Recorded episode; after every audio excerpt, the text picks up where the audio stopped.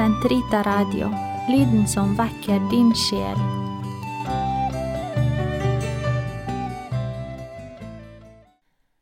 Karmels hage episode 1 Sesong 2 Å lese Guds ord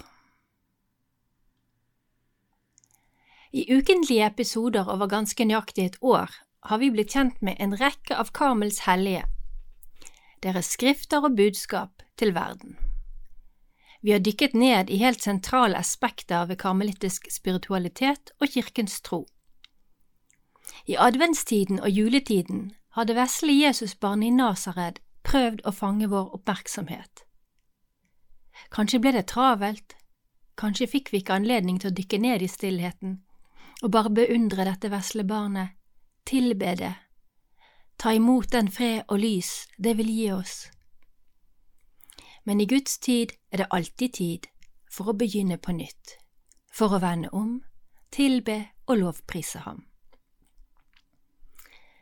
Nå har vi startet på et nytt alminnelig kirkeår som ganske så raskt vil slynge oss inn i en ny kirkens faste tid i første uken av mars.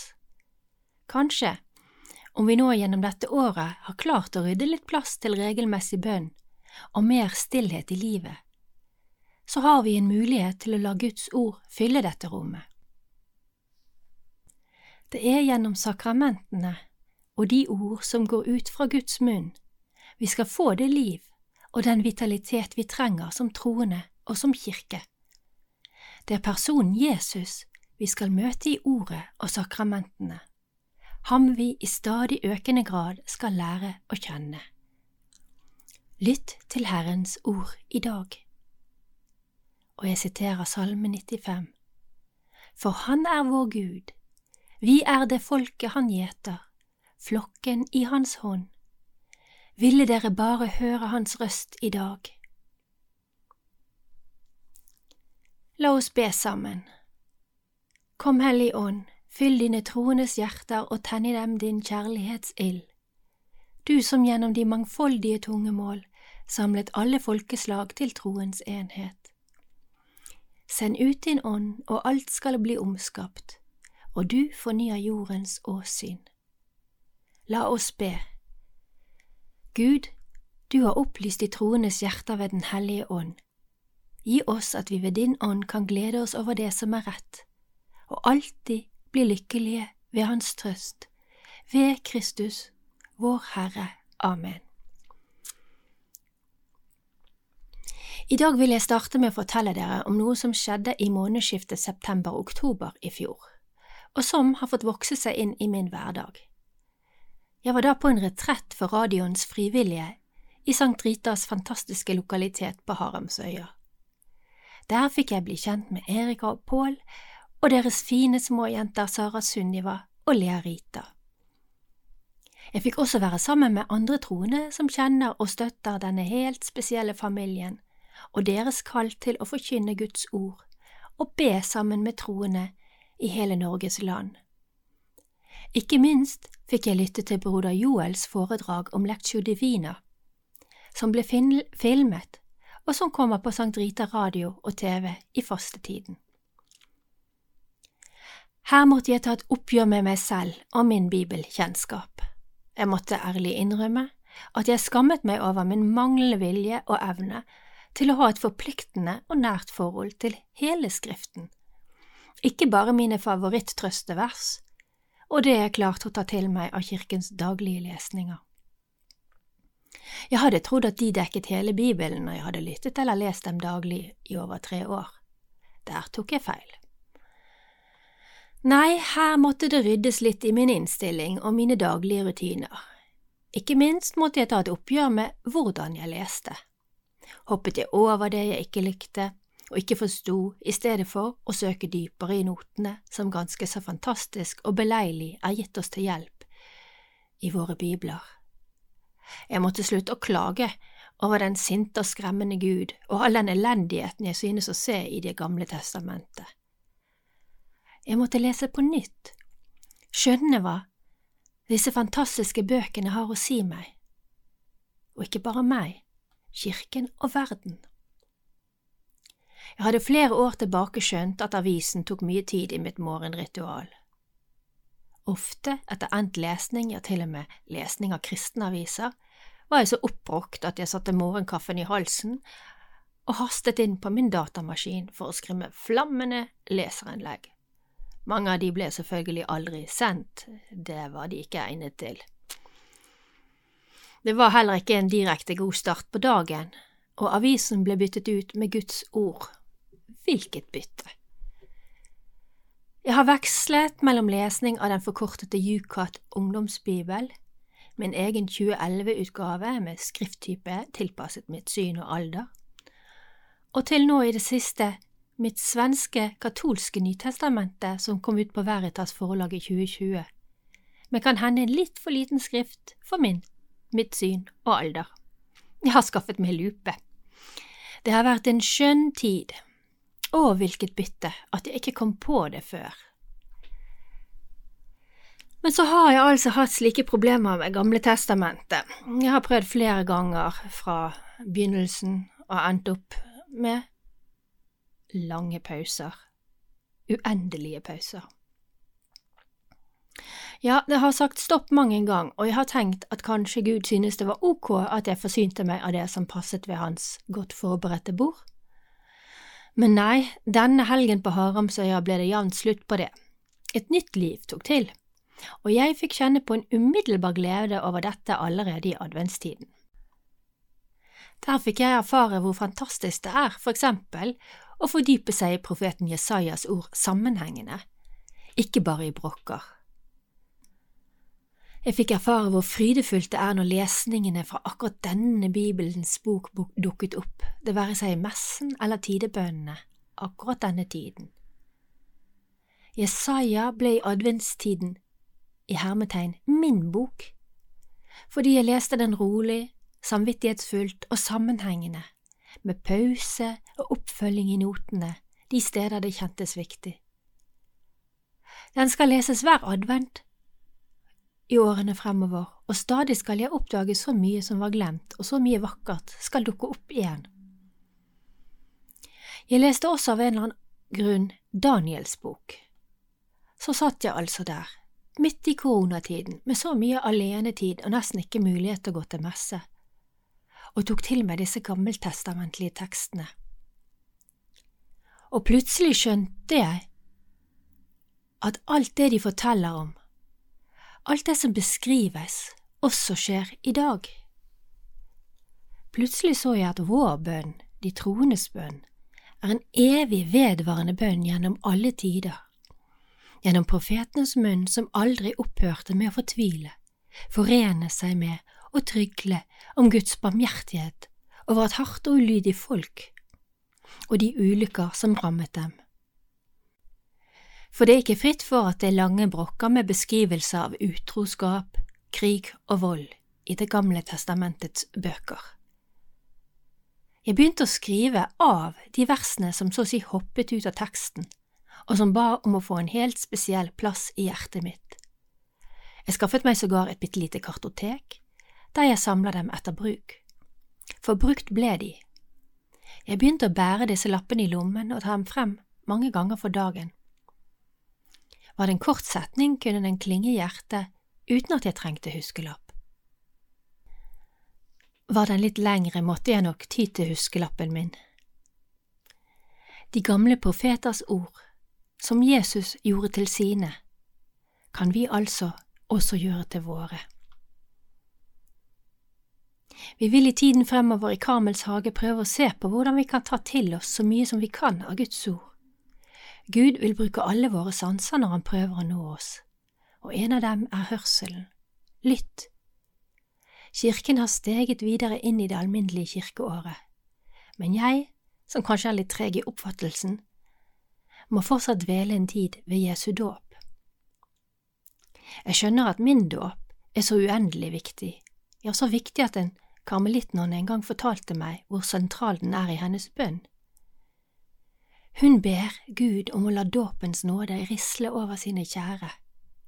Ja, la oss be dåpens nåde nedover foreldre, barn, venner og kanskje ikke fullt så gode venner.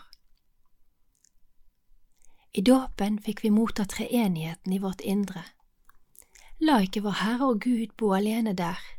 Besøk ham i bønn og takknemlighet og tilbedelse, med Hans egne ord, så ofte som du kommer på det. Det er dåpen som gjorde oss til Guds barn. Siden skal vi vokse, stadig vokse, og stadig minke i våre egosentrerte tanker og meninger. Stadig vokse i tro og sann visdom. Det er dåpens nåde som er utgangspunktet. Jeg blir aldri ferdig med å forundre meg over dette. Men så har vi altså Jesu dåp, den har jeg aldri helt forstått. Men vi kan jo verken hoppe over eller gå utenom det vi ikke forstår. Vi kan bare gjøre som Maria, gjemme vår undring i hjertet og la Gud opplyse oss i sin tid. Og jeg har brukt noen uker på å ta til meg en liten provokasjon. Den kom i en preken jeg fikk lese. Sistersiensermunk, broder Joels preken, og den ligger på Munkebrødrenes blogg. Jeg leser den i sin helhet for dere og anbefaler dere å lese selv om igjen, om dere tør. Den ligger tett inntil Guds ord, som aldri forleder oss til lettvinte og behagelige konklusjoner. Vi tar med et lite sitat fra Hebreabrevet før vi begynner. Det står i Hebreane 4,12. For Guds ord er levende og virkekraftig, og skarpere enn noe tveegget sverd.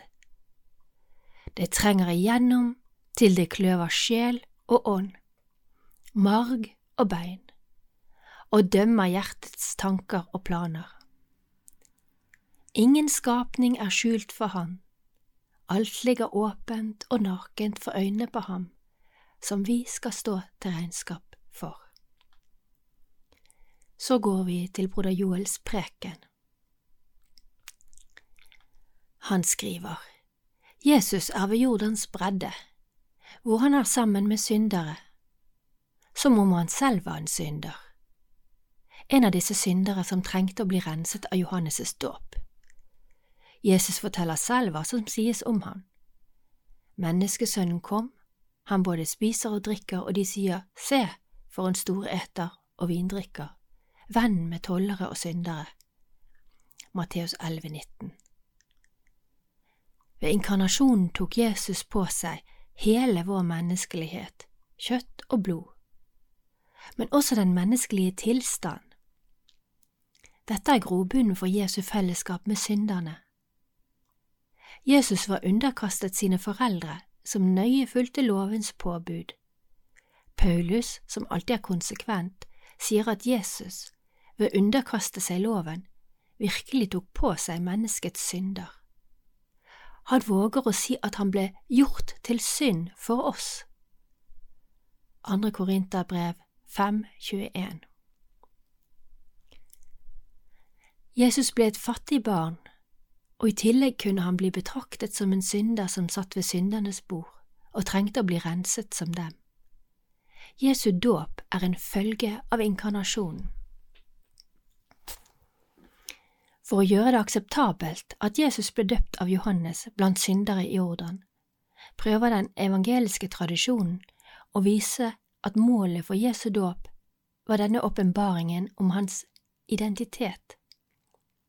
Han er Guds sønn som har Guds yndest, og som Den hellige ånd dveler over. Vi kan ta et skritt videre og si det er på grunn av sin solidaritet med syndere at Jesus har Guds yndest når han utfører Guds vilje og frelser syndere. I en bok om eukaristien finner vi en kommentar om den berømte filmen Babettes gjestebud. Den velkjente kokken fra Paris måtte flykte og endte opp i Danmark som en tigger, etter å ha tapt alt. Hun var der gjest i en liten puritansk gruppe som etter hvert viste seg å være barsk, innsnevret og splittet. Babette spanderte det som var igjen av sin formue på å forberede et storartet festmåltid. Dette måltidet endret fullstendig stemningen i gruppen, gjennom en spontan forsoning vennlighet og gledesfylt feiring. Bokens forfatter viser at dette mirakelet bare var mulig på grunn av Babettes skjulte offer. Dette er et bilde på eukaristien, som både er offer og fellesskap. Babette er som Kristus. Babettes selvuttømmelse gjenopprettet en kaotisk verden innenifra. Selvuttømmelse henviser til det greske ordet kenose, som Paulus bruker for å beskrive Jesu fornedrelse. Filippa-brevet kapittel 2 Kristus tømte seg selv for sin guddom, for å ta på seg en slaves skikkelse. Dessuten, når det gjelder å gjenopprette en kaotisk verden innenfra, tenker jeg også på Jesu dåp. Vannet er et bilde på dette kaotiske som blir renset av fysisk kontakt med Jesu hellige kropp. Jesu dåp er et lysende tegn for oss i dag. I en kirke preget av forferdelig synd og misbruk av mennesker, må vi se på Jesus, som selv ble betraktet som en synder blant syndere, selv om han var uten synd. Vi kan ikke lenger på individualistisk vis si det er ikke meg som har gjort det. Jeg er uskyldig. Det angår ikke meg. Nei, vi må akseptere å ta på oss skam, ansvar og den vrede som rettes mot oss. Da følger vi virkelig Kristus, som steg ned i Jordans vann. Og her slutter prekenen. Og her sitter jeg og snakker begeistret om Guds ord og så er det altså så provoserende. Jeg klarer ikke annet enn å tenke at om vi virkelig tar til oss dette og prøver å leve etter det, om vi konsekvent vil følge Jesus slik denne preken byr oss å gjøre, så må vi med sorg og anger så å si ta på oss kirkens synder, ikke toe våre hender, ikke melde oss ut, ikke distansere oss. Eller kritisere biskoper, prester, paver, sladre om og baksnakke våre medtroende, det være seg åpenlyse syndere eller mennesker med ansvar som ikke gjør slik vi mener de burde. Nei, hjelpeløs som jeg er i denne kirken, der jeg aldri må glemme at min synd, så vel som andres synd, avslører seg som groteske uhyrer når det trekkes frem i Kristi lys. Det er dette Jesus tok på seg og lot seg korsfeste for. Men han var ingen synder, slik som vi alle er det. Enten vår synd er synlig eller usynlig for menneskene. Om vi alle tok opp våre kors og fulgte Jesus ned i Jordanelven, ville det kanskje være litt mindre splittelse i våre menigheter litt mindre sladder og hoverende moralisering i våre sosiale medier.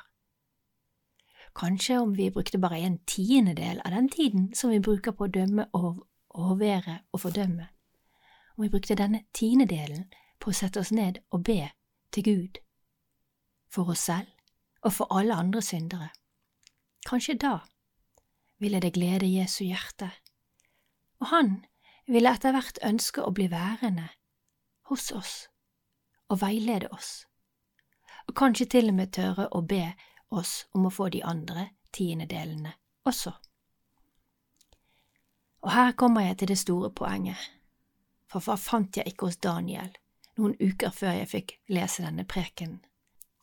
Jo, denne bønnen som jeg leste om igjen og om igjen så mange ganger over flere dager, helt til jeg rotet vekk lappen. Det er Daniels bønn, og vi finner den i kapittel 9, 17. Hele bønnen kan du lese i kapittel 9, 4–24. Jeg skal for øvrig skrive en ny lapp nå, siden jeg skjønner at jeg ikke er helt ferdig med å menge meg med og identifisere meg med folk som skuffer Gud så inderlig, ved ikke å ville lytte til ham og være sammen med han. Det er folk som er Guds ødelagte helligdom. For her gjør Daniel noe som peker mot det som Jesus gjør i dåpen. Han forener seg med folket og dets elendighet. Så å si ber ned barmhjertigheten over dette folket. Og han gjør det ved først å fortvile over sin egen synd og forene den med sitt folks. Ja, slik kan vi forene oss med det folk, syndere, som vi er del av, og slik kan vi trygle på våre og folkets vegne. Og slik kan vi bli hørt av Gud, vår bønn bæres opp til ham. Slutten av bønnen lyder slik, og la den virke i ditt hjerte. Hør nå, vår Gud, din tjener ber og roper om nåde. La ditt ansikt lyse over din ødelagte helligdom. Herre, for din egen skyld. Min Gud, vend øret hit og hør. Åpne dine øyne og se våre ruiner og byen som ditt navn er nevnt over. For det er ikke i tillit til våre rettferdige gjerninger at vi kommer frem for ditt ansikt med våre rop om nåde. Det er i tillit til din store barmhjertighet. Hør, Herre, tilgi, Herre, lytt og grip inn, drøy ikke, for din egen skyld, min Gud. For ditt navn er nevnt over byen din og folket ditt. Amen.